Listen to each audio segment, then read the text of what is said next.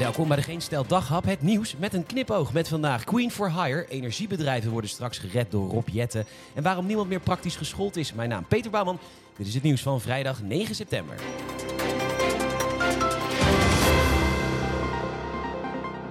Prachtig. En, en wat een goed idee. In Nederland hebben we onze welvaart bijna exclusief te danken aan het Groninger gasveld. Dankjewel Groningers. Maar dat is nu verleden tijd en dus moeten we op een andere manier heel veel geld zien te verdienen als land.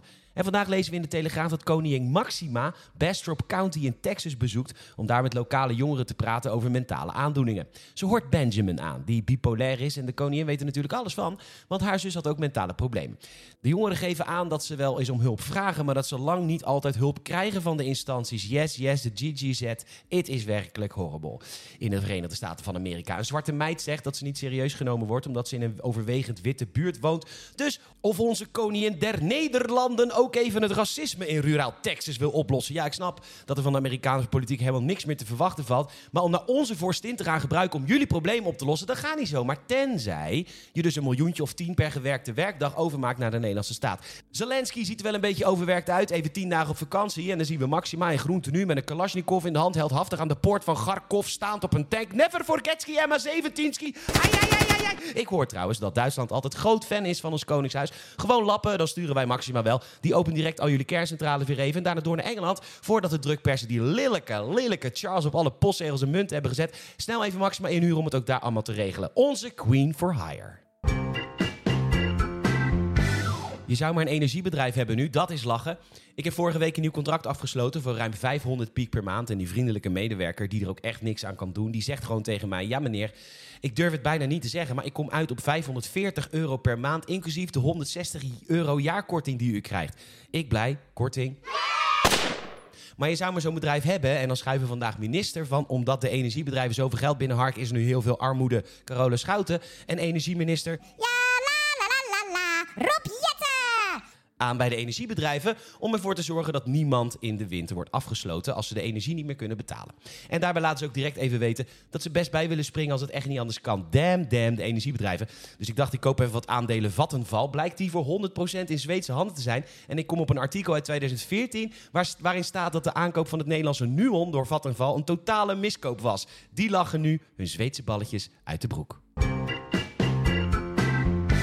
Ja, we hebben het echt allemaal aan onszelf te danken. En dan bedoel ik niet ik, eh, maar vooral de ouders. En dan met name de bakfiets rijdende, chai latte, amandelmelk drinkende, Apple aanbiddende ouders van nu. Die van geen enkele leerkracht accepteert dat hun genderneutraal opgevoede kinderen Beer en Chardonnay iets wat een klein beetje feedback krijgen. Misschien is Beer niet rijp voor de haven. Oh nee, niet Beer is zo intelligent en slim en hij luistert naar klassieke muziek. En oh, dat vinden wij als ouders zo fijn, want hij is ook fan van spinvis.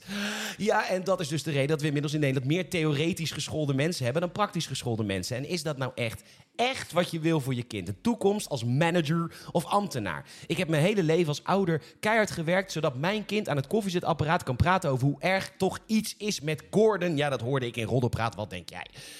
In plaats van dat je kind later vette gebouwen maakt. Of een mooie tuin kan aanleggen in de buitenlucht. Of een, of een ouder iemand een zo mooi mogelijk laatste deel van het leven kan geven. Nee, dat is al jaren te min voor de kinderen van dit land. Gelukkig is het niet te laat. En ik spreek het ervaring als ik zeg dat twee dagdelen per week een mbo-beroep erbij doen echt onwijs leuk is. Doe het, geloof me, is vet.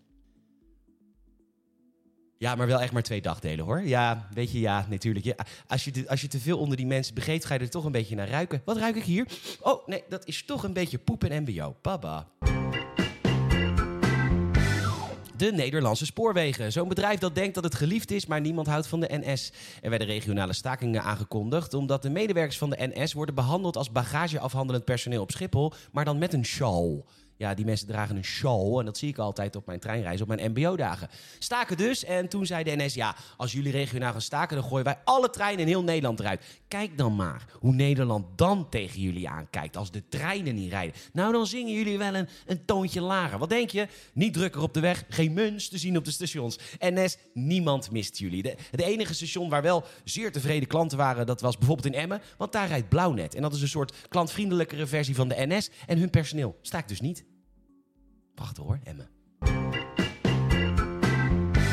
De eerste boeren in Brabant worden uitgekocht en daarvoor is dus heel veel geld beschikbaar. Zeven veehouders kregen in totaal 13,5 miljoen euro. En dat is dus bijna 2 miljoen eh, piek per boer. En boeren verdienen in Nederland dus relatief heel weinig geld. En dan is 2 miljoen dus, nou ja goed, eigenlijk is dat altijd veel geld. Waarom protesteren ze eigenlijk?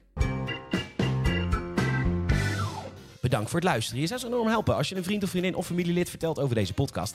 Je kan ook een Apple Podcast review achterlaten eh, in Apple Podcast natuurlijk. En dat kan ook in Spotify. Nogmaals bedankt voor het luisteren. Tot morgen.